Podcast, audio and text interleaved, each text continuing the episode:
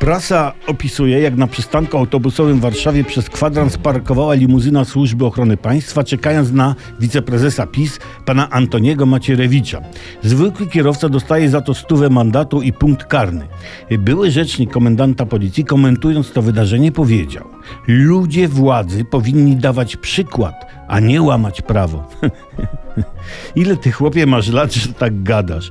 Gdyby trzylatek tak mówi, to w porządku. Okej, masz tu chłopczyku smoczek, się pobaw, idź do piaskownicy, postaw babkę czy coś. Ale my, starzy i doświadczeni ministranci życia, wiemy, że stwierdzenie ludzie władzy powinni dawać przykład, a nie łamać prawo, jest oparte na przesłankach z przedszkolnego podręcznika do ludzików z plasteliny. Prawda?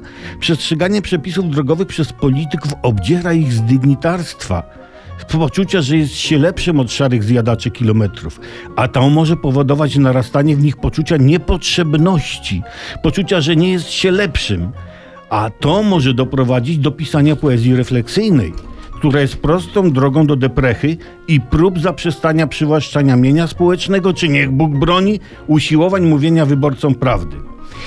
Inna sprawa, że parkowanie dygnitarskie to jest jednak najmniejszy nasz problem. Najmniejszy. Jakby politycy uczciwie i solidnie pracowali, nie kłamali i nie przywłaszczali, to kurczę, niech oni sobie parkują nawet na dachu wiaty przystankowej, albo na lodówce zabudowanej, czy w oknie życia. Wybaczymy im i jeszcze szyby przetrzemy.